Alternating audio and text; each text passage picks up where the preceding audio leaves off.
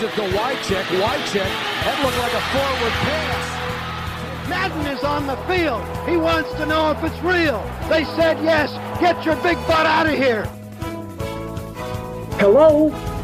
You play to win the game. Hej och välkomna till ännu ett avsnitt av veckans NFL med Mattias Olsson och Lasse Thorman när vi nu har klarat av två veckor på säsongen Lasse.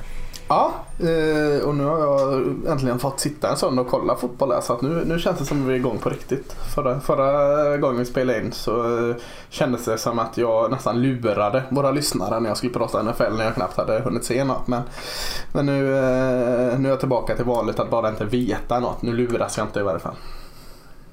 Nej, det är bra. Det är bra.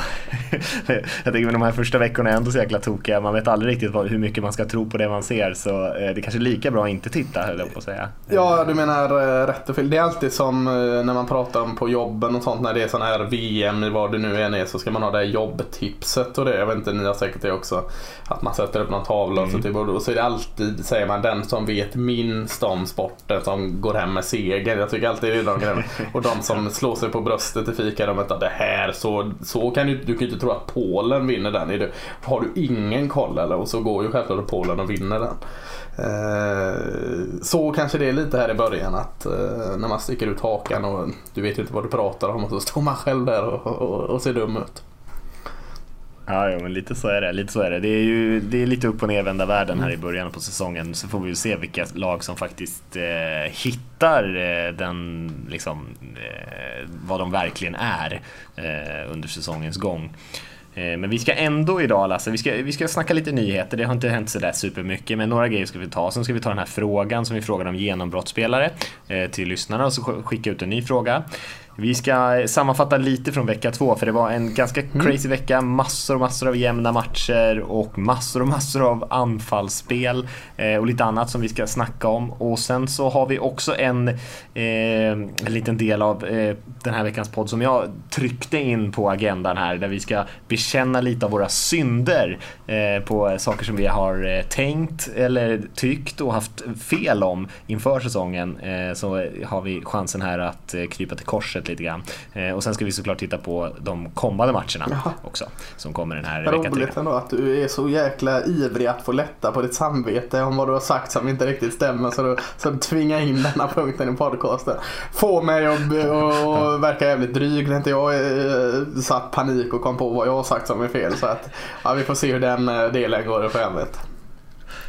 Jag tycker det är lika bra att gå liksom vara, vara ute före mina, alla mina haters där ute som liksom vill begrava mig. Nej, men ja, det var framförallt en som jag hade väldigt nära där in på hjärtat som vi kände att nu börjar det här bli lite tungt att bära på. Eh, så vi, resten kanske är lite mer framkrystade, men vi får se var vi, var vi landar i det eh, segmentet där. Men vi, om vi ska börja med mm, lite nyheter Lasse, så, så är det ju inte supermycket intressanta grejer, men en sak som hände eh, var att Josh Gordon, receiver som jag pratat om många gånger, som har haft missbruksproblem, eh, men annars såklart en väldigt begåvad spelare, har inte spelat på många, många år, eh, blev till slut släppt av Browns där han drog sin hamstring på en reklaminspelning och sen så var det lite rykten om att han hade kommit in till, till huvudkvarteret och sett inte varit sitt vanliga själv. Eh, och sen så var det väldigt många lag som klart som blev, var intresserade. Eller han blev inte släppt, det ryktades om att han skulle bli släppt. Eh, men att Brown skulle vänta till på måndag och se om de fick nå, nå, eh, någonting för honom. Och många lag var intresserade och till slut så bytte Patriots till sig Josh Gordon för ett val i femte rundan som sen kan bli nedgraderat till ett val i sjunde rundan om Gordon inte fastnar i truppen ja, helt enkelt. Så det är inte så mycket risk för Patriots. Jäklar vilka, vad säger man? Man sån här, eh, vad heter det, snurrdörrar eller vad säger man, vad kallar man det? Revolving mm, doors. Mm. Det är på eh, wide receiver när det kommer till Patriots ändå. Eh, eh, de, de, tog väl upp ja. han, en annan första draftpick, Corey Coleman, som har studsat runt väldigt också. Började i Cleveland och studsade runt och var i 111 andra klubbar som fick kicken nu när Gordon kom in där. Ja, eh, vad, hamstring, hur, hur allvarlig var den? Nej, inte så allvarlig. Eh, men det är klart att han eh, kanske fick sitta ute ett litet tag och han lär inte spela här första veckan. Eh, men det kommer man ju tillbaka från rätt fort. Mm, jättebra receiver.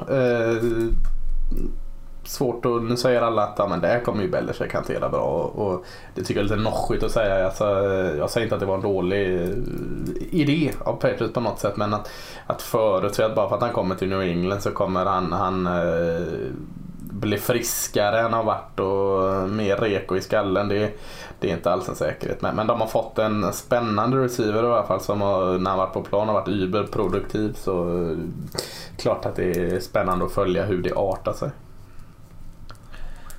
Ja, verkligen. Och precis som du säger där, det är lite revolving doors med både receivers och alla möjliga spelare. Patriots är ett av de lagen som är allra mest aktiva med att göra sådana här chansningar. Mm. Men alltid så får man ju höra det här, precis som du säger, att, det, att det, nu kommer han säkert bli en succé när han kommer till Patriots. Men det är nog ingen annanstans som, får, som spelare floppar lika mycket som i Patriots. Just för att de gör de här chansningarna. Och det är ingen kritik mot dem, utan Nej. det är ju bara för att de ja, de tror på att ta lite chanser ja. helt enkelt och de förlorar oftast inte så mycket på det. Men det är definitivt ingen självklarhet att det kommer bli en succé. Men det skulle vara kul om Gordon kom tillbaka. Han fångade en touchdown i första matchen eh, och höll ju på att bli hjälte där. Mm. Eh, och det såg ut som en riktigt fin story och sen så blev han släppt strax efter.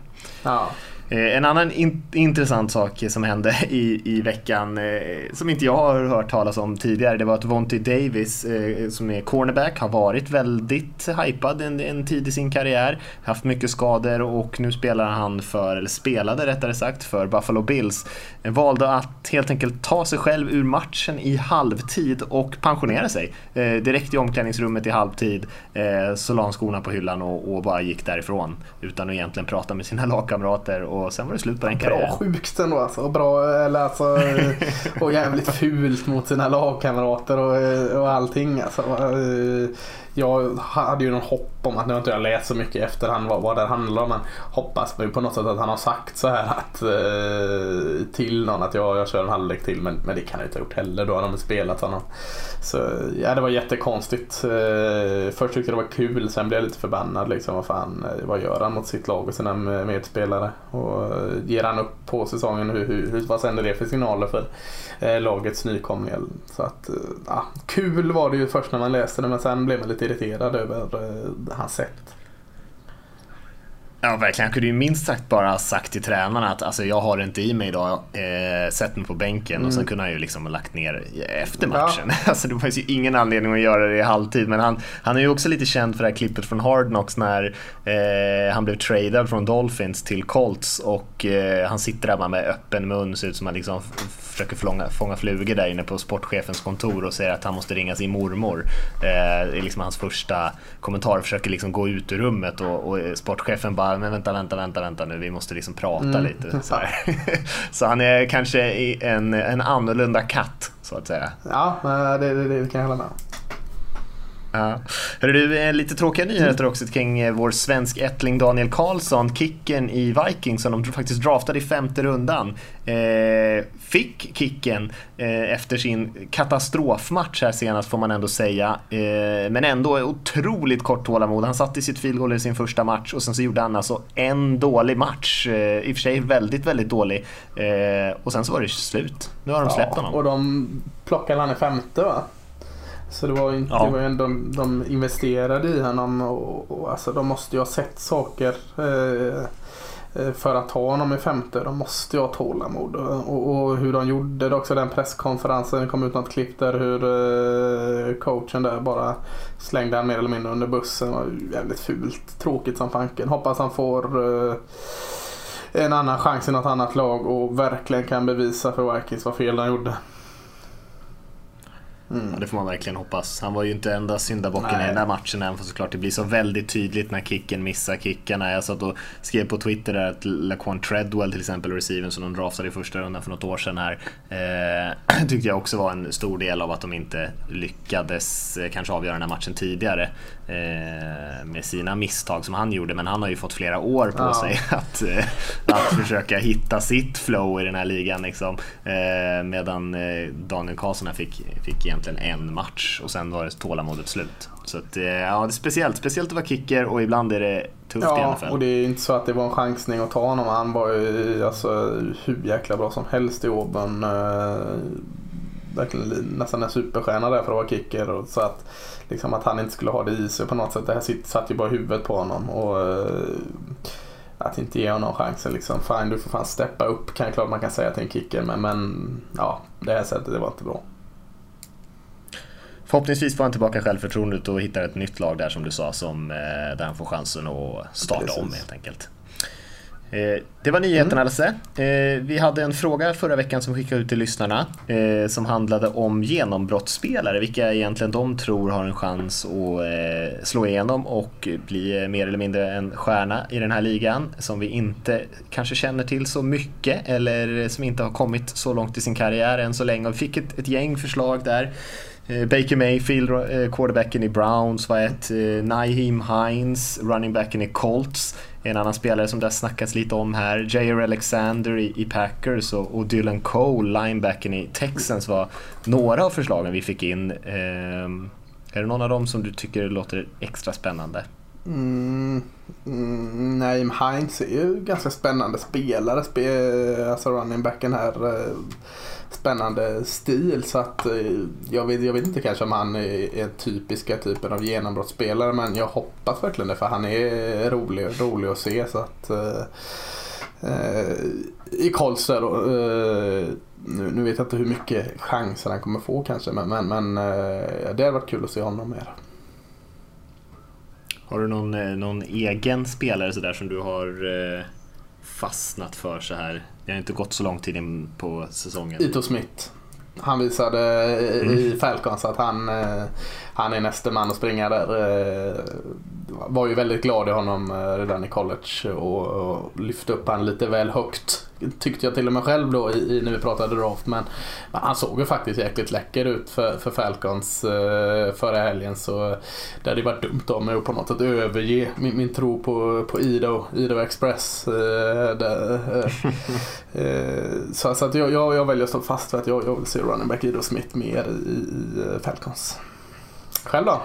Jag tror, att vi har, ja, men jag tror att vi har haft uppe den här någon gång och snackat lite inför mm. säsongen här och jag tror väl på ett gäng 49ers-spelare. Jag kan ju lägga till kanske Fred Warner där, linebacken, till den gruppen som ser väldigt lovande ut och även Matt Breida, runningbacken har ju spelat väldigt bra men jag hade ju eh, Dante Pettis där, receivern och eh, även DeForest Buckner som jag lyfte som spelare som jag tror kan liksom bli lite mer kända bland allmänna NFL-fan den här säsongen och jag tycker de har fått en väldigt bra start. Det är många duktiga unga spelare i 49ers. Eh, en bra coachingstab också som säkert kan lyfta fram det bästa. Så det är ett lag att hålla reda på även fast de inte kanske kommer vinna så mycket matcher mm, i år. Jag tycker också jag är tjatig med att jag tycker Bengals draftar bra och eh, än så länge tycker mm. jag deras rookies har sett roliga att du har lyft upp den Hubbard eh, som har sett bra ut. Mm. Jag tycker även safetyn där Jesse Bates har sett fin ut. Verkligen. Du har Billy Price där deras offensiva linje ser bättre ut.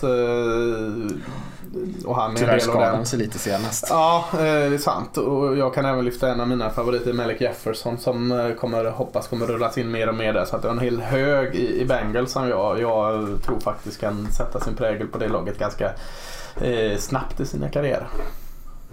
Ja, till och med Marcus Hunt har spelat ganska bra för, för Bengals. Ja, eh, den gamla diskuskastaren eller vad han var. Precis. Ja, diskus. Ja. Jag tror det var diskus. Ja. Ja, kulstötning ja. eller diskus, men det var nog diskus. Eh, det var väl bra, tack för alla mm. svar där och eh, vi eh, ska skicka in ut en ny fråga och eh, vi lär väl komma in på det men Ryan Fitzpatrick har ju spelat ganska bra där för Tampa Bay Buccaneers hittills på den här säsongen får man säga. Eh, och vår fråga är helt enkelt om ni tycker att han ska få fortsatt förtroende i Tampa Bay eller om James Winston eh, är den som är bäst på riktigt och kanske ska få tillbaka det här jobbet när han kommer tillbaka från sin avstängning. Ja, och kan vi vara så kräsna mot er att vi helst inte tar en ja och nej svar där utan ni får gärna motivera det med något. Eh, för det, det är jättetråkigt om vi läser upp 47 ja och 39 nej liksom. Det, det, eh, och vi vet ju att ni, ni, ni, det blöder i era fingrar att få skriva av er eh, om Harvard Smart och Crab Lake James här. Så att det, vill, ja, det brinner ju i mig. Jag, jag vill ju prata om det här redan nu för jag är rädd att jag kommer glömma vad, vad jag själv tror är smarta argument till nästa vecka. Men jag får skriva ner det själv så jag kan ta upp det nästa vecka. Eh. Maila in, ja, Maila in ja, till podcast.nflsupporter.se Se om mailen kommer fram här. Mm. Eh, men med det sagt så tycker jag vi kan hoppa in lite grann på vecka två. Eh, som sagt, jag tyckte det var en eh, riktigt bra vecka igen av matcher. Jag såg inte riktigt lika mycket matcher som jag gjorde första veckan, men du kompenserade kanske mm. lite där. Många spännande matcher, många, många nya rekord. Eh, vi har aldrig sett så många touchdowns på, på de första två veckorna av en säsong som vi har gjort i år. Eh, och jag kan också säga att 23 av de 32 matcherna som har spelat hittills har varit inom en score där någon gång i fjärde kvarten. Eh, så att det har varit väldigt jämnt, inte särskilt många blowouts. Eh, nio lag obesegrade än så länge, eller nio lag som är 2-0. Och fem av dem missade slutspelet i fjol, så att det är ändå lite sådär eh, worst to first eh, över den här säsongen än så länge.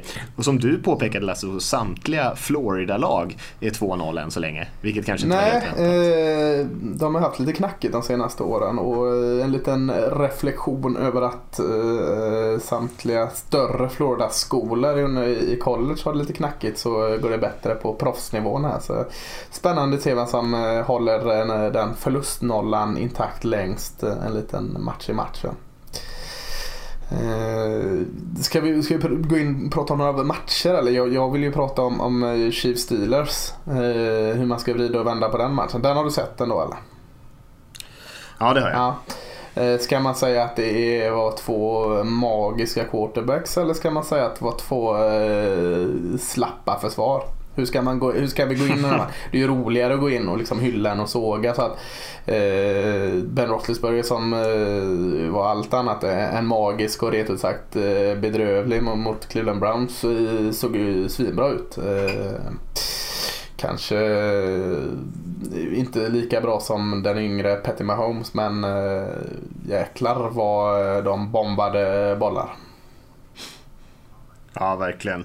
Ja, visst är det en kombination såklart av kanske inte sådär jättebra försvarsspel. Det är ju andra veckan i rad som eh, båda de här lagen också tillåter en jäkla massa poäng. eh, så eh, det är väl in, inte, kanske inte en slump att när, när så två kraftfulla explosiva anfall möter betydligt svagare försvar att det skulle bli lite poäng. Men nej, de är imponerande såklart. Patrick Mahomes inte minst. Jag tyckte det var väldigt mycket öppna receivers och sånt där i och för sig. Så det var inte jättemycket jättesvåra kast han behövde göra och sen stod det helt plötsligt eh, 21-0 i den här matchen. Men eh, ja, det är ju eh, svårt att inte bli imponerad av vad Mahomes tillsammans med coachingstaben och Andrew Reid gör där i Chiefs. Det är ju jag skrev det på Twitter också tror jag. Det är, liksom, Chiefs har ett för jävla bra anfall. Men det betyder inte att de har ett för jävla bra lag. Eh, och man skulle kanske kunna säga lite lika om, eh, om Steelers där. Ja, ganska intressant. Vi var inne på det när vi pratade upp den här matchen förra podcasten. Där att eh, det kommer nog, vara, kommer nog synas att eh, det passas mycket i den här matchen. Utan Eric Berry i secondary för Chiefs och utan Joe Hayden i, i secondary till Steelers så kommer det märkas. Och det gjorde det ju verkligen. Alltså, eh, kudos för oss att vi äntligen har träffat rätt med någonting. Men, men också intressant i matchen, alltså helt plötsligt så, eh, jag kom in lite sent i det så då tror jag Chiefs redan hade 14-0 där men, men eh, 21-0 hade de snabbt och så sen bropp så var det 21-21 helt plötsligt. Så, så det var en väldigt konstig match alltså att se. Kändes nästan som någon collegematch liksom, där det bara svängde, eh, svängde fram och tillbaka eh, hur som helst. Så att, eh, väldigt skum match. Ja, och då blir det väldigt små marginaler som mm. avgör matchen också såklart. För det finns inte så mycket, man måste nästan göra poäng hela tiden, annars halkar man efter. Så att, nej, men det, jag håller med dig. Kanske inte den där typen av match som jag tycker är allra mest underhållande. Jag ser gärna lite mer balans i matcherna sådär. Eh, med lite mer bra försvarsspel. Men eh, det är klart det är kul med några sådana där riktiga shootouts lite då och då. Mm, om, om, mer balans i match och, och i alla fall bättre försvarsspel så eh, ska vi gå in och prata vad som hände, hur Cleveland förlorade den här veckan. ja, eh, ja, jag såg faktiskt inte den matchen live. Eh, Nej, live såg inte jag den heller. Jag, har sett den efterhand. Ja. Nej, det är ju, det är ju hemskt liksom. Alltså att, eh, jag har väl ingen eh, sympati eller någon form av eh, empati eller vad fan man ska kalla det. Jag, jag hejar inte på Cleveland mer än jag gör något annat lag. Liksom. Eh, men ändå sitter man liksom nej men fy fasiken vad tråkigt det här är liksom. Vad, vad hemskt. Att de, de, eh, de spelar ju bra nu, Cleveland Browns. Alltså. De spelar ju bra. Ja. Och så, och så hittar de på ett nytt sätt att förlora. Nu, vi pratade om att Daniel Karlsson hade en, en dålig dag eh, att sparka en Zane Gonzales. Eh, satte ändå två filgås liksom. Men, när det var viktigt då, då bommade de så in i helsike och ger Rubris en, en och minut och växel som de gillar att säga i USA på sig och vinna det här ändå liksom. Alltså att fasiken var, var underligt. Ja det är det ju. Och så han missar ju lite extra poäng Ja. och sådär också så det är ju... Eh, eh, Ja, båda extra klart, poäng det, han? Ja. ja. Så eh, det blir ju såklart väldigt avgörande men det är klart att annars är det ju en väldigt imponerande insats från Browns. Ja. Försvaret är ju verkligen bra eh, mot ett så bra lag som Saints dessutom. Att man ändå håller dem i schack så här länge. Eh, sen är ju man ju inte sådär superbra i anfallet, eller man är inte alls bra i anfallet rättare sagt. Och eh, det är väl för att man får in de här stora spelen Eh, den långa, långa touchdownen från Taylor där nere i en som var ju en riktig pärla alltså. Eh, extremt fin. Eh, men det, det hänger ju lite på att man sätter några sådana där spel eftersom man inte kan flytta bollen ordentligt igen. Om vi ska vara inne på den frågan vi hade, alltså genombrottsspelare, så glömde jag ju nämna en som jag, jag tror jag hade han som min, nummer, som min andra receiver när vi pratade draften. Eh, och jag kan tro att det är en anledning till att eh, Josh Gordon inte är där längre. Det är Antonio Callaway, eh, receivern i, Cleveland Browns. Jag tycker han är fantastiskt bra. Han, han har också haft strul. Den listan är säkerligen tre och fyra sidor lång med strul i, i sin collegekarriär. Men, men jäklar vad bra han är på plan och, och spelar smart och, och har fysiska egenskaper. Receiver Antonio Callaway. Alltså jag tror han, han kan verkligen blomma ut när de får ordning på det där offensivet lite mer. Ja, det är säkert jättebra att ha Landry honom där, där också. Jag tyckte det var en av de absolut intressantaste scenerna i Hard Knocks. Som, vi har inte pratat så mycket om Hard Knocks efter första avsnittet där, men eh, jag tyckte det var en av de bästa säsongerna de har gjort. Och eh, när eh, Jarvis Landry sitter tillsammans med Antonio Callaway och eh, pratar verkligen detaljer i route running och sånt där. Eh, var fascinerande klipp tycker jag i Hard Knocks. Jag tror att det är eh, väldigt bra för Callaway att ha honom där. En, en spelare som har, kanske han har en del, en del av de här diva-grejerna med sig, absolut. Men han arbetar stenhårt, produktiv, duktig spelare som verkligen slipar på sina detaljer. Ja. Och det är nog jättenyttigt för en kille som Callaway som eh, har väldigt mycket rå potential. Det var ju han som fångade den där långa touchdownen för. Ja, någon mer match som du tycker vi ska lyfta upp lite extra från, från veckan som gick?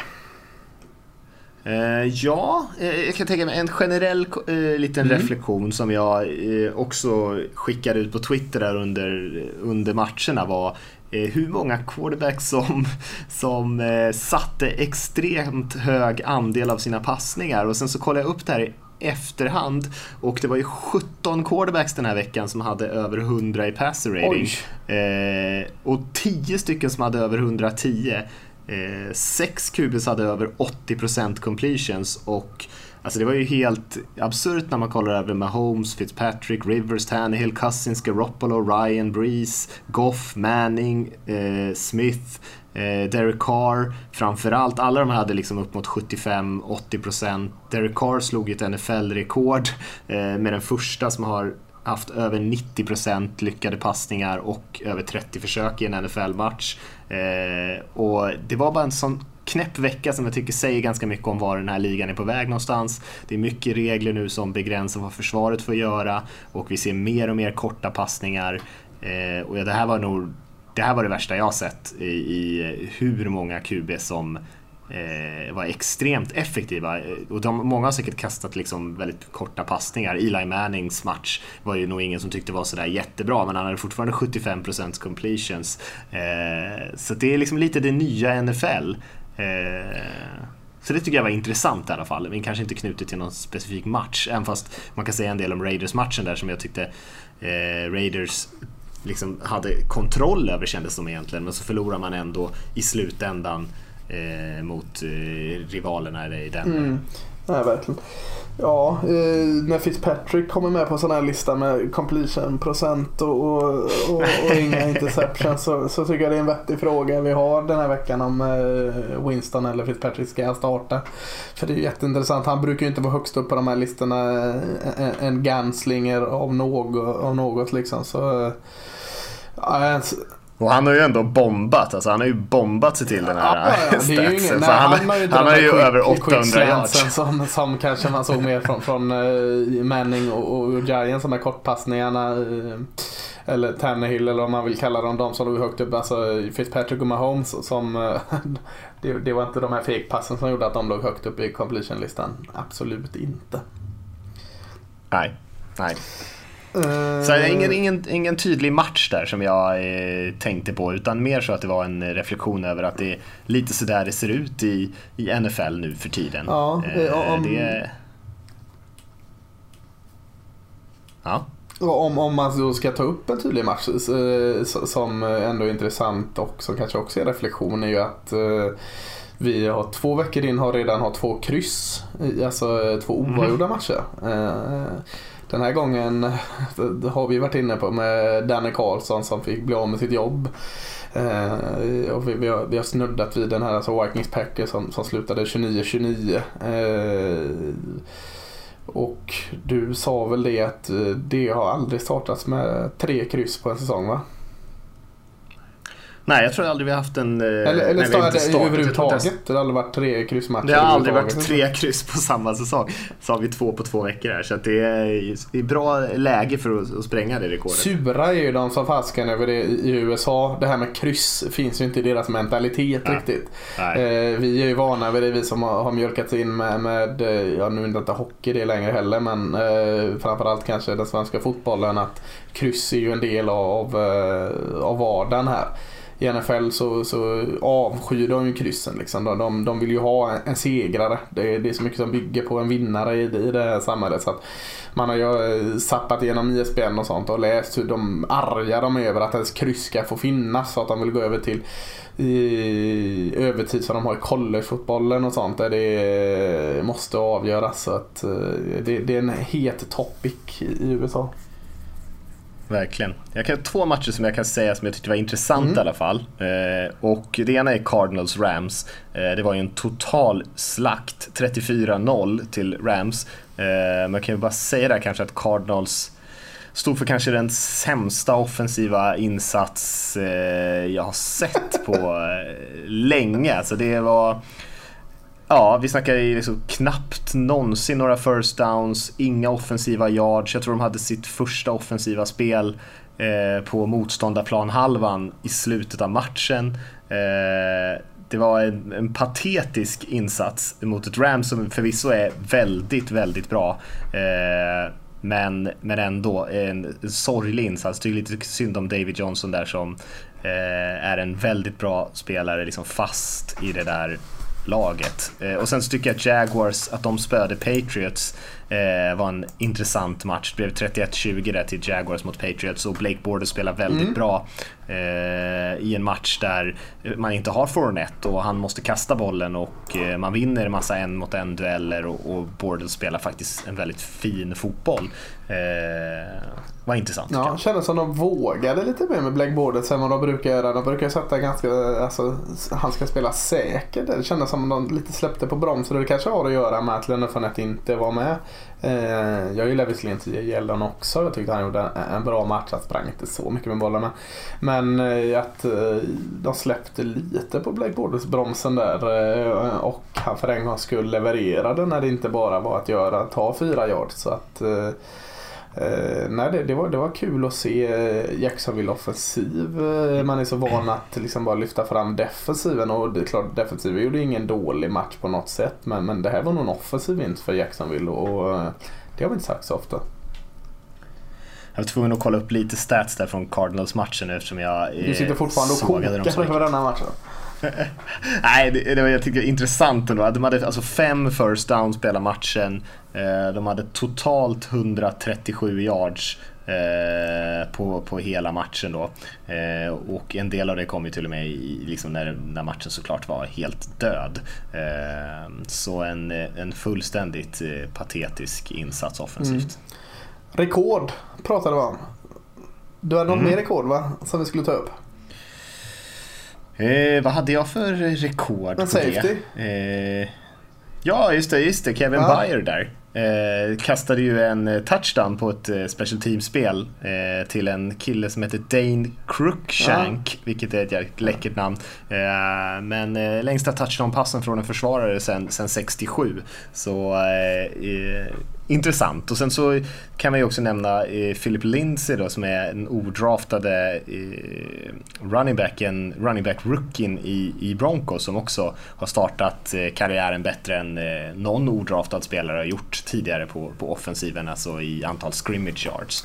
Eh, så eh, intressant liten, lite sådär vid sidan av information. Ja, häftigt. Men Philip Lindsay kallas för den tasmanska djävulen eh, gjorde han i college. I mm. Hemmason. Han spelade ju för eh, University of Colorado och eh, plockades upp av, de, av eh, Denver. Så det är lite de här vibbarna som man hade med James Conner som spelade eh, collegefotbollen i Pittsburgh och, sen fick, ja, nu startar i Le'Veon Bells frånvaro i, i Steelers. Så att alltid lite extra roligt när, när Hemmason-sönerna, för det är ju inte uppbyggt så som alla såklart vet att man har, ungdomsakademier där man plockar upp spelare. Så att det blir lite mer unikt och lite mer häftigt när det är eh, hemmasonen som går in och, och gör ett bra jobb för dem.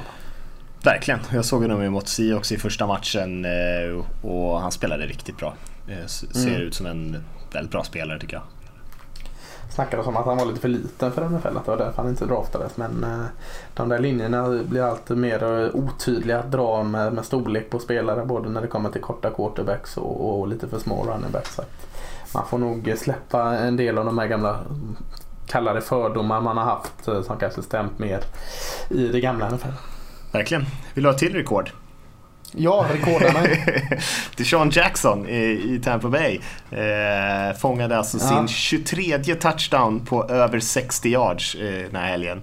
Eh, och alltså kom ifatt Jerry Rice då, som har det rekordet. Eh, och Jerry Rice, som de som inte känner till honom, eh, många anser väl kanske att han är den bästa spelaren som har spelat i NFL, egentligen nästan oavsett position, eh, receivern. Han hade i alla fall en väldigt lång karriär och samlade på sig massor och massor av rekord som är nästintill omöjliga att ta. Men nu är ju Deshaun Jackson där och, och är redan ifatt honom då i liksom, långa touchdowns, för det är ju lite hans specialitet. Ja, eh, fräckt. Vi pratade förra veckan om, eller jag lyfte att eh, jag vet inte fanken när jag sist har sett två receivers som har haft två, eller samtidigt haft så bra dag på jobbet. Eh, Dijon Jackson eh, fång, fångade in många långa passningar. Mike Evans hade kanske inte lika många yards men han var jävla när han blev eh, måltavla. Han sög in varenda boll. Jag tror han hade 10 catches. Och så lägger du till eh, Tyrenen O.J. Howard då, som också är ett jäkla farligt djupt hot. Så att eh, den här receivergruppen i, eh, i Tampa Bay, eh, jäkla bra. Ja, och jag har för mig att vi pratade om det inför säsongen också, att det är kanske den bästa, om inte en av de absolut bästa grupperna i NFL. Det som vi, kanske var lite oroliga för var väl kanske offensiva linjen, men den har ju mm. verkligen spelat över förväntan ja. än så länge. Absolut. Rookien Chris Goodwin där också. Bra. Så att äh, det, det ser, äh, ser spännande ut i, i Tampa. Verkligen. De har en till tight end också som är bra, mm. som jag inte kommer ihåg vad han heter just nu. Men... Han heter säkerligen något sådant som, uh, nej det är inte Humphrey som är end va? Han är receiver. Uh, Ja, uh, vad fan heter han nu? nu vet jag han höll ju Howard lite borta från plan förra säsongen för att han var så, så pass bra ändå. Hade en ganska bra Ja, uh, vad heter han? Brait va? Ja, Cameron Brait. Precis, ja. precis, precis. Yes.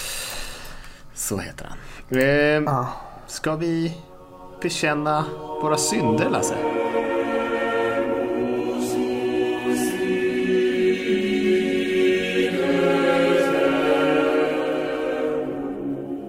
Jag börja då eftersom det var mitt påhitt där? Mm, börja du. du det lättare oket. Ja, och det är faktiskt dags för jag, det har tyngt mig ett tag här. Eh, och eh, det handlar ju om Patrick Mahomes som vi har pratat om här, quarterbacken i Kansas City Chiefs som eh, Först var jag lite skeptisk till när han kom ut ur college. Eh, tyckte han hade en lite för flängig och opolitlig stil. Så där. Jag trodde kanske inte att han skulle Eh, kunde leverera effektivt i NFL och sen så inför den här säsongen så, så började jag mjukna lite kanske.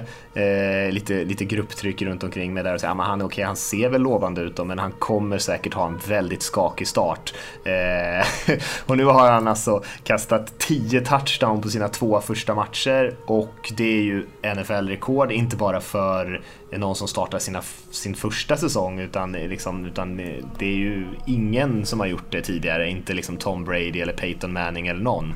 Eh, så att han, har, att han har haft en historiskt bra start på sin karriär går inte att säga emot, att han ser otroligt bra ut eh, tillsammans med, med coacherna där som jag nämnde tidigare som är väldigt duktiga på det de gör såklart eh, så är han ju nästintill fläckfri. Han hade ju en perfekt pass rating här senast med sex touchdowns och utan några interceptions och det är ju verkligen dags för mig att eh, be om ursäkt här till Patrick Mahomes för att jag tvivlar på honom. För att han har ju sett helt fantastisk ut.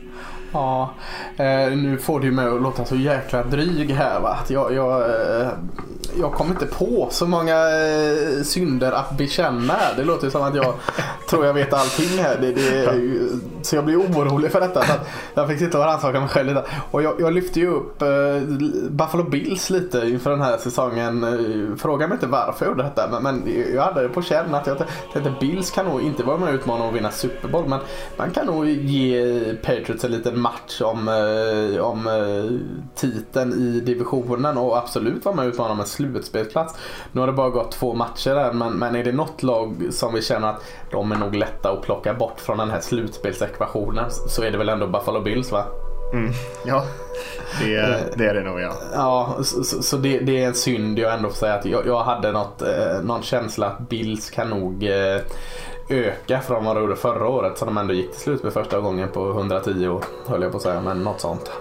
Ja, nej, eh, rimligt. Eh, jag har en till här som jag tänker att jag ska eh, bekänna, en till synd. Och det handlar väl egentligen om, alltså det är ju lätt att bli lite sådär eh, varm i hjärtat om det är det som ligger en, en allra närmst, kanske ens favoritlag framför allt, men sen kanske även divisionen som ens favoritlag spelar i, så brukar man ofta tycka att den, de som håller på ett lag i divisionen brukar ofta tycka att divisionen är lite bättre än vad alla andra tycker. Och jag tänkte nog lite så kring NFC West här. Jag tänkte, ja men det är väl ändå ganska duktiga.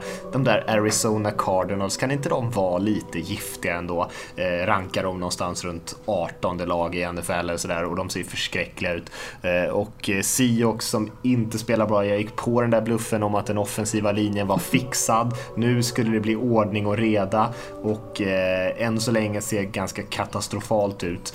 Eh, och det är väl egentligen bara Rams som, som håller uppe den här divisionen. 49ers är inte riktigt redo vad det ser ut som än så länge. Så att eh, hela NFC West har jag nog överskattat. Eh, och kanske framförallt Cardinals. De andra lagen har ju ändå möjlighet att vända det lite.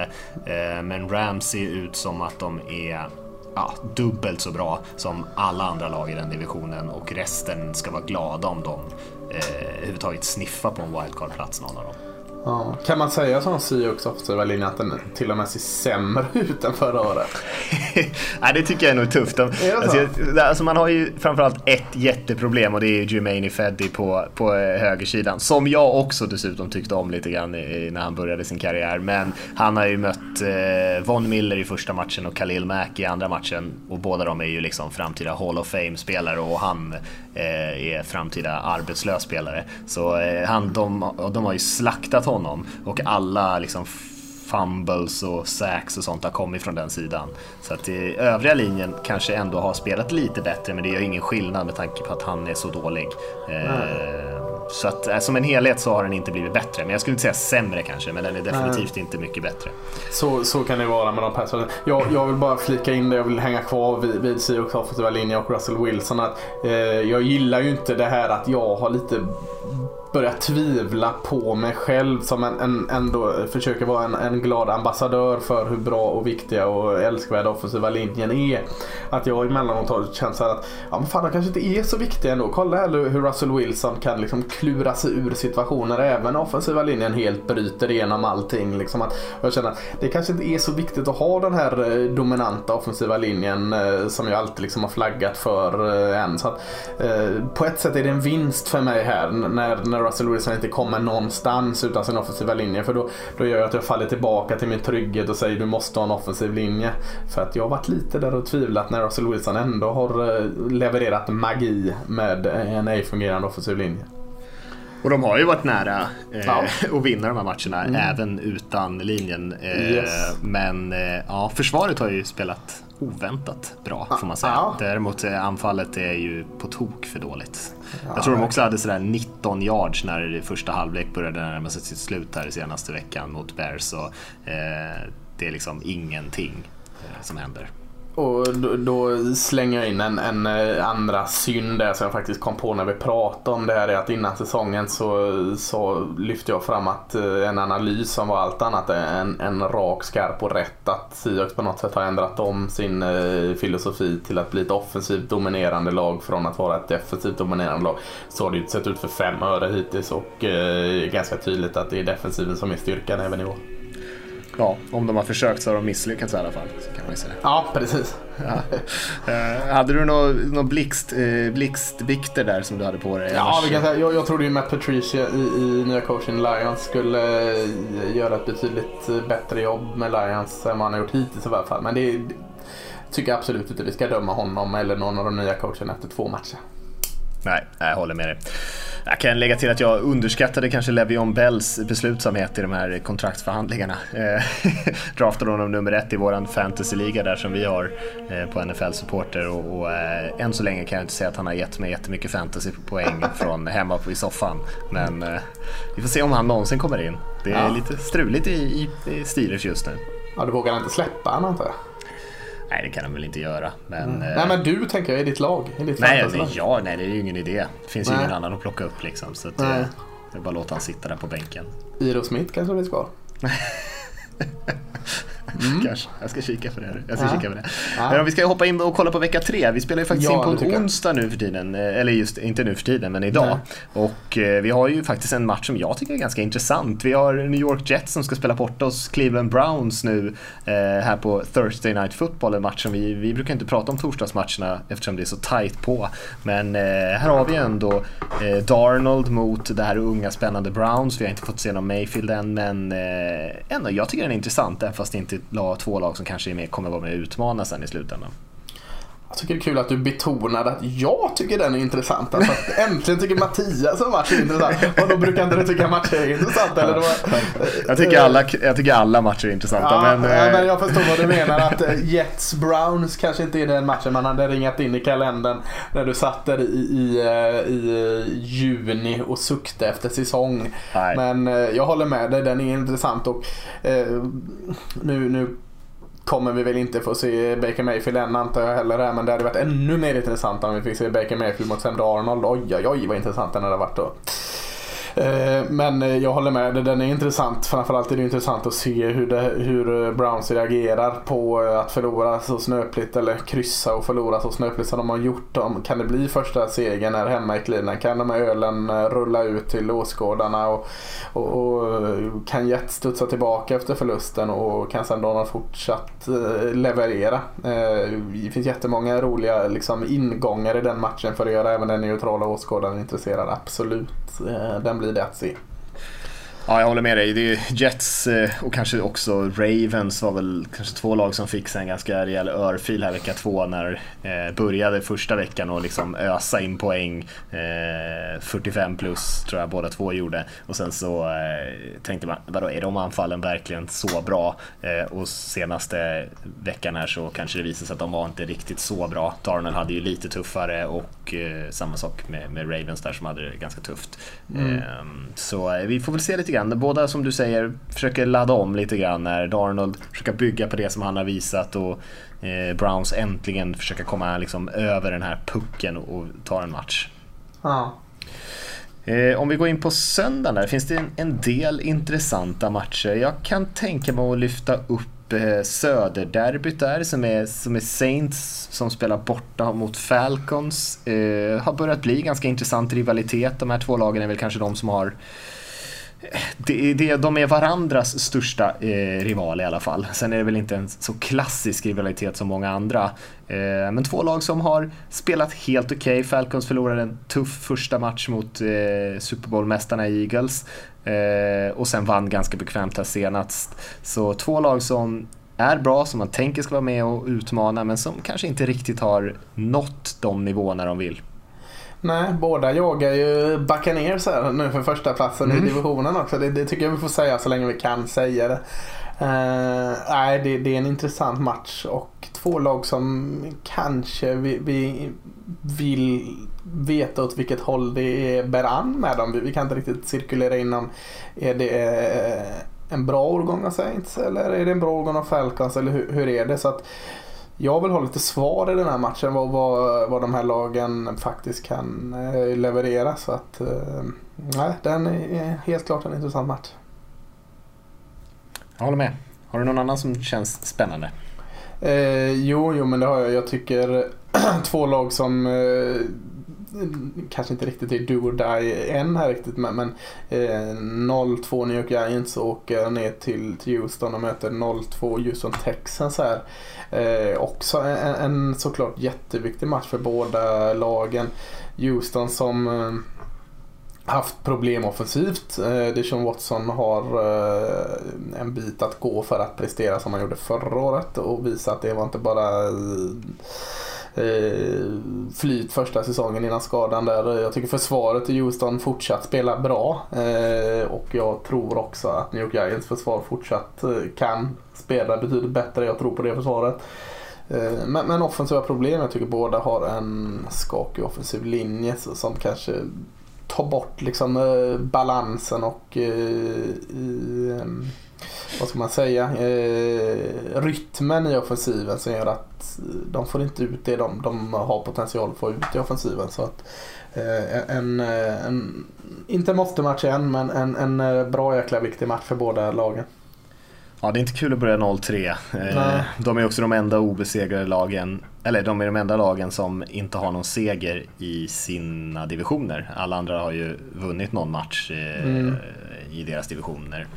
Eh, de spelar inte i samma. Så mm. nej, jag håller med dig. Det är, det är två lag som har vissa likheter som du lyfter. Ganska spännande, du, unga, duktiga försvar och, och eh, väldigt stora problem på linjen i offensiven och, och, annars potential att kunna göra lite. Det finns ändå mycket duktiga skillspelare i de här två lagen. Men, Absolut. Eh, ja, man börjar ju tappa lite hoppet lite grann på de här tyvärr. Jag hade hoppats att, eh, att Giants och Texans skulle kunna spela lite bättre men det har de inte gjort än så länge. Det är ju inte för sent att vända det här men det måste nog börja snart särskilt för Texans kanske som såg hur bra Jaguar såg ut i den egna divisionen. Så, eh, ja, jag tror att eh, Texans kan eh, kanske hitta lite anfallsspelare i den här förhoppningsvis med Deshaun Watson. Eh, kanske försöka låta honom eh, göra lite av de grejerna han är bra på, kanske springa bollen lite sådär även fast man helst vill undvika det såklart efter korsbandsskadan.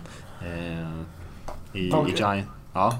De kan ju ta lite lärdom av då vad eh, deras delstatskamrat Dallas gjorde mot Giants. Alltså, det är inte lätt att springa mot New York Giants uppe i mitten där mot eh, Harrison och dem. Det, det, det är erkänt. Men, men eh, Dallas gjorde ju de använde Dak Prescott precis så som han ska användas. De gjorde han till ett hot i springspelet och körde mm. mycket eh, RPO som är så kläschigt ord att säga nu. Alltså att han fick läsa av situationen när han skulle lämna över till Zeke Elliot eller gå själv. Och det kunde inte riktigt New York Giants hantera.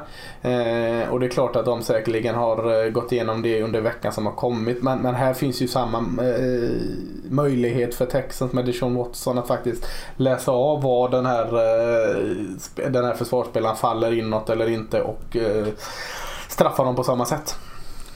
Ja, och låta de här stora tunga spelarna på Giants linje springa lite i sidled. Yes. Alltså det är nog inte så dumt det heller att bara få dem trötta. Om de får jobba i, sin bekväma comfort zone där i mitten, då är de svåra att rå på som du säger. Eh, mm. Men det är intressanta lag såklart. Det finns mycket spännande spelare i, i båda de här lagen. Eh, tyvärr kanske lite för mycket hål, men eh, ja, intressant match. Jag har eh, en annan spännande match som jag tycker det är Los Angeles-derbyt. Det är första eh, Los Angeles-derbyt sedan 94 när Chargers ska spela mot Rams. Eh, Rams är officiellt hemmalag men de spelar ju på samma arena just nu höll jag på att säga. Det gör de väl inte förresten? Men de spelar Chargers. på den här stubbhubben. Spelar Ja, inte gör de det? Eh, Jag vet inte. De gjorde ju det Eh. förra säsongen, men frågan är om de har flyttat in på Coliseum nu. Nej, det kanske de inte har. Eh, ja, de har ju ändå inga fans på sina matcher i Chargers, så det spelar kanske inte så stor roll. Eh, men, eh, men intressanta lag som är bra på båda sidorna av bollen, båda två egentligen. Än så länge båda är ju högt rankade i både anfall och försvar och det förstår man ju. Eh, Rams med alla deras nyförvärv som vi har pratat om längs defensiva linjen och på cornerback-positionen med samma explosiva anfall som vi såg förra säsongen. Och Chargers har ju länge varit bra på båda eh, sidor av bollen men inte riktigt fått ihop det. Så att det här är en, en, ett intressant möte och kanske framförallt en prövning för Chargers för att jag tycker att Rams har kanske sett ut som det bästa laget i NFL än så länge och eh, Chargers kommer få det tufft tror jag. Ja, jag är lite besviken faktiskt på Chargers försvar. Alltså att eh, det är så lätt att luta sig mot att säga att det är ett bra försvar. Jag tycker inte riktigt de har varit ett bra försvar i år. Alltså det har sett väldigt lätt ut. Eh, Saknat är- Bosa också. Ja, och så eh, vad heter han, Corey Legget där eh, är väl avstängd va? Eh, Efter någon eh, performance eh? Om jag inte är helt fel ute. Ja, det låter bekant. Ja, så att eh, de två saknas väldigt mycket och eh, jag tror det kommer synas. Jag tror, jag tror inte Rams på något sätt kommer vara lika enkelt som de hade mot Cardinals. Det är inte det jag säger. Men, men, men jag tror nog att de kommer vinna den här och de kommer göra det hyfsat bekvämt. Ja, jag har svårt att se Chargers försvar stoppa faktiskt Rams anfall. eh, Mm. Och eh, sen tror, tror jag säkert att Rivers kommer säkert kunna kasta runt bollen en del. Men eh, i slutändan kanske det blir lite för mycket att det kommer bli ett mycket mer, mindre stabilt anfallsspel från, från Chargers och, och eh, det kan resultera i kanske lite turnovers och sånt där annat. Eh, lite fler three and outs och att eh, Rams tar den här matchen. Jag, jag tror också att de, de vinner hyfsat bekvämt, men det är två bra lag. Ja, eh, vad har vi mer på söndag? Bengals eh, har ju över, övertygat 2-0 eh, och de möter Carolina Panthers. Eh, borde vara, eh, bli en bra match. Eh, nu är han running backen här. Mixon borta skadad. Det kommer påverka såklart. Nu är det inte enkelt att springa mot Carolina ändå men, men utan honom blir det än tuffare. Så att, eh, Eh, det är en sån här match där eh, man står och hänger på Andy Dalton och, eh, de matcherna kan bli lite farliga. Man har en tendens att klanka ner lite på Dalton. Ibland gör man det helt fel och ibland finns det liksom fog för att göra det. Men det ska bli intressant att se vad eh, båda de här lagen har jättebra försvar så jag lägger inte så mycket krut för det. Jag förutsätter att de kommer fortsätta spela bra försvarsspel. Men det ska bli intressant att se de här två offensiven. Eh, jag har inte riktigt sett den här North Turner-effekten i Carolina Panthers än. Kan man få se någonting av den komma? Och jag vill se hur det ser ut när Cincinnati Bengals leds av Andy Dalton där han får vara en mer nyckelspelare i en match hur det ser ut. Ja, nej de har ju inte varit eh, sådär jättemycket eh, bättre än så länge i anfallet men det är lite skillnad kanske i hur de spelar. Jag ser, vi tänker att vi har ser Cam Newton som är också uppe och sniffar på nästan 70% completion så det har ju varit en grej som han har fått mycket kritik för. Eh, vi fortsätter att se eh, extremt mycket pass, korta passningar. McCaffrey har ju fångat 20 passningar här på två matcher. Alltså running backen Christian McCaffrey utöver att han också har sprungit bollen 18 gånger. Så eh, de försöker ju verkligen liksom skima bort sin offensiva linje och eh, få ut bollen lite snabbare. Eh, Sen är man inte bra fortfarande i anfallsspelet och, kommer bli något tufft mot Bengals försvar här. Eh, jag tycker att Joe, man saknade Joe Mixon väldigt mycket i Cincinnati när han gick, klev ut mot Ravens senast. Och det tog ganska mycket stopp på anfallet. Dalton spelade bra hela matchen men det blev liksom en dimension mindre eh, som gjorde att det tog lite stopp och Ravens höll på att komma ifatt i den matchen trots att jag tyckte att Cincinnati var mycket bättre. Eh, så nej, men det är en väldigt intressant match. Jag, jag har svårt att säga vilken som kommer vinna här. Jag tycker att den känns väldigt jämn. Ehm, Eh, Ja, den är lite, lite av en, eh, en slantsingel för mig faktiskt, särskilt eftersom Panthers är hemma. Ja, nej men du säger att Dalton spelar, spelar bra och eh, jag tycker han, han spelar bra när försvaret måste skrima och måste respektera springspelet och det måste de göra när John Mixon är där. Det är därför jag är extra nyfiken att se nu kanske Carolina Panthers har så bra att plugga igen springspelet så att de kanske kan lätta lite på den gasen och, och få utmana Andy Dalton lite mer. Så det, det ska bli väldigt intressant att se. Mm. Jag, tror, jag, tror, eh, jag tror faktiskt att bara för att någon av oss ska tippa en vinnare så tror jag att eh, Cincinnati Bengals åker ner och vinner ändå här med att gå 3-0. Skulle vara imponerande. Då är ja. de ju storfavoriter där i, plötsligt i, i North. Mm. Mm. Mer, kanske kort eh, uh, Indianapolis Colts åker och möter Philadelphia Eagles. Philadelphia Eagles som förlorade uh, överraskande mot Buccaneers sist. Uh, Carson Wentz, frågan är om de skyndar honom tillbaka eller om han är redo för att det såg inte riktigt bra ut i offensiven sist. Nej, jag tycker inte att Foles har spelat bra, men eh, han ska ju starta här Wentz så det blir mm. intressant att se honom. Och så har vi ju också Luck på andra sidan som i och för sig mm. spelar sin tredje match, men också tillbaka från skada. Så det är lite mm. de här unga, spännande quarterbacksen. Ja, de, de är inte så unga längre höll jag på att säga. Men eh, ändå en intressant match.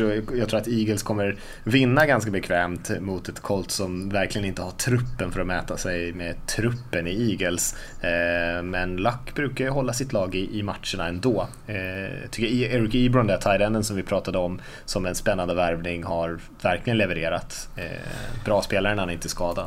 Ja, och jag kanske får komma med min synd lite senare för jag tippade ju Colts och hamnade absolut sist i NFL och eh, så riktigt så dåliga har de inte varit än. Så eh, skulle de vinna här mot Eagles, vilket jag inte tror de gör, så eh, då får jag väl komma med det nästa vecka.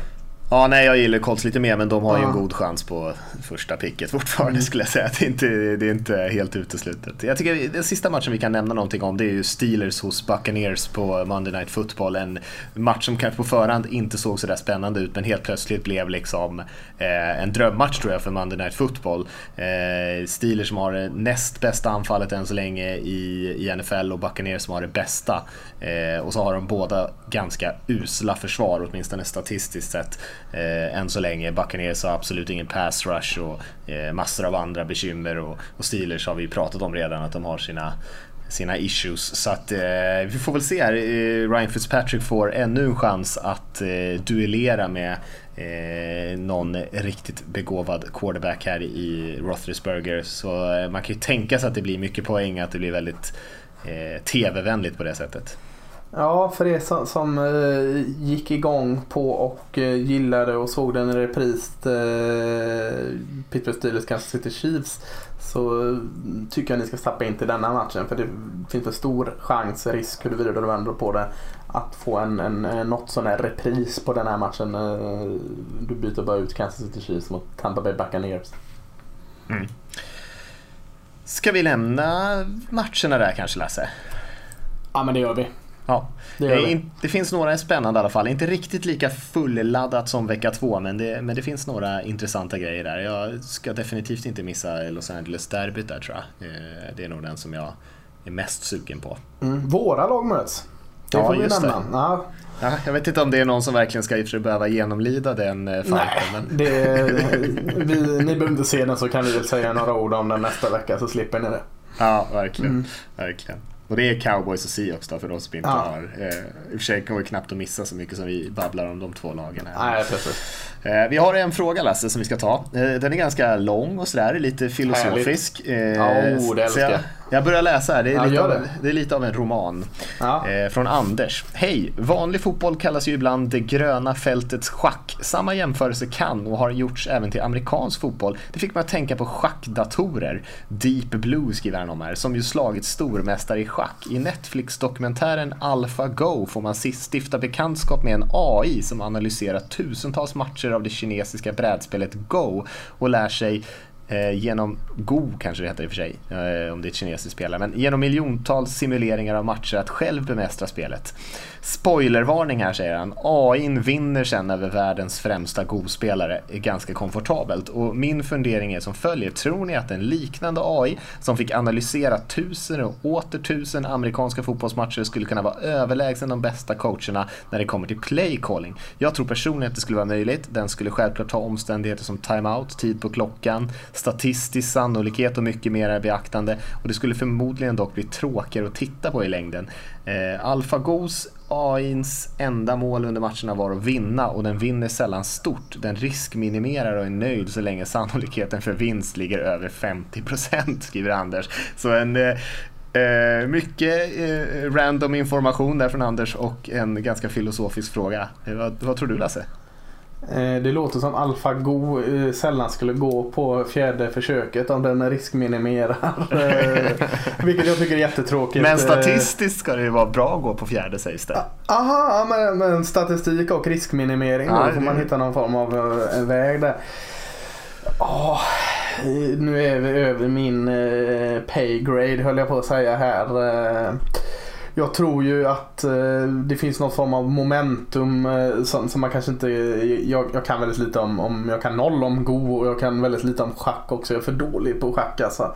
En gång googlade jag fram en bra schacköppning så jag kunde... Eh, så jag hade min schacköppning och sen så kom ett motdrag och så hade jag ingen aning vad jag skulle göra efter det. Så, att, så jag, jag, jag, jag är en fruktansvärt dålig schackspelare. och... Eh, hur någon form av dator eller vad man ska kalla det Nej, det tror jag inte och det vill jag inte tro heller. Eh, det ligger ju någonting i det han säger men jag tror man får ta in eh, andra aspekter i form av eh, läsa av eh, vad säger man, spelares eh, psykologiska, hur de psykologiskt spelar i en match, vad, vad man kan ändra under matchens gång, vad man ser under matchens gång. Som eh, jag i min bristande kunskap kanske då inte tror att en AI kan se och läsa. Den kan analysera allt i förväg men du måste fortfarande ha det mänskliga ögat som, som känner av på ett annat sätt än brädspel tror jag. Ja, jag håller med dig och det är en väldig skillnad på schack och amerikansk fotboll såklart. I schack så är ju spelpjäserna inte levande. Eh, Nej, det var en enklare förklaring än vad det jag fick komma fram till. jag sammanfattar ditt där i en mening. Ja, mm, tack. Nej, men det är ju eh, det, är väl det som är grejen. Det är klart att som du är inne på Lasse, vad, vad har spelaren för mindset just nu? Eh, vad är den här spelaren bra och dålig på för olika situationer? Alla små skador på spel. Ska man då live föra in att vår left guard har lite verk i vänsterknät eh, och hur påverkar det om vi ska springa en inside zone eller inte. Ja, sådana där grejer som, liksom, som en människa kan snabbt ta in information kan ju en dator kanske aldrig göra, inte utan en människas hjälp i alla fall.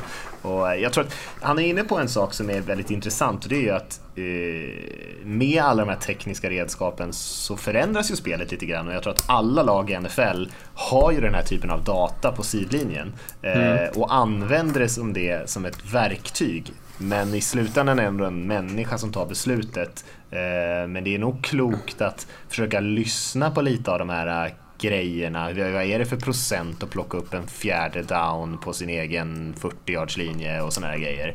Eh, och allt sånt har de ju utskrivet såklart eh, mm. och får information om under matcherna. Så att man har ju mer och mer öppnat upp för den här typen av tänk. Men eh, det går nog inte att ersätta människan helt ut, det tror inte jag.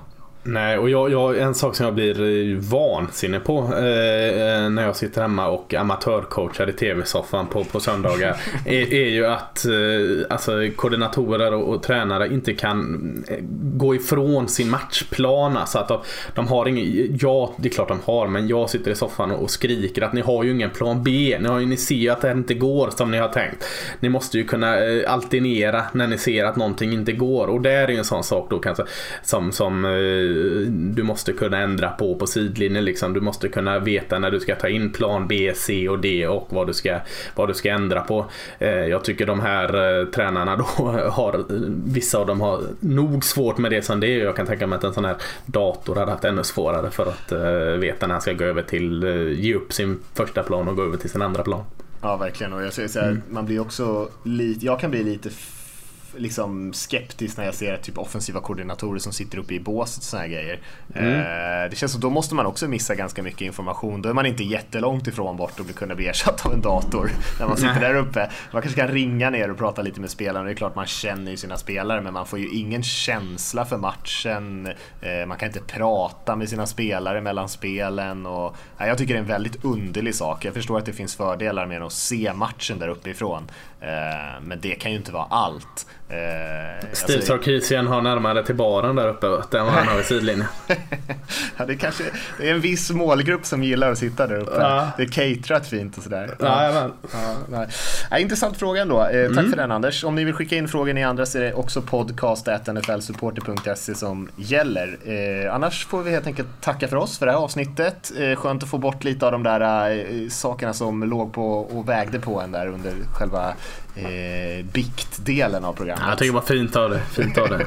Du använder podden som någon form av eh, katolsk kyrka här. Så jag säger gör tre Ave Maria och så borstar du bort det så är du förlåten. Ja, det har aldrig, alltid varit liksom lite terapi där det. Eh, eh, nej men tack alla ni som har lyssnat och eh, hör gärna av er med frågor och, tyckande och allt vad det är så hörs vi igen i nästa vecka. Det gör vi. Ha det bra allihop.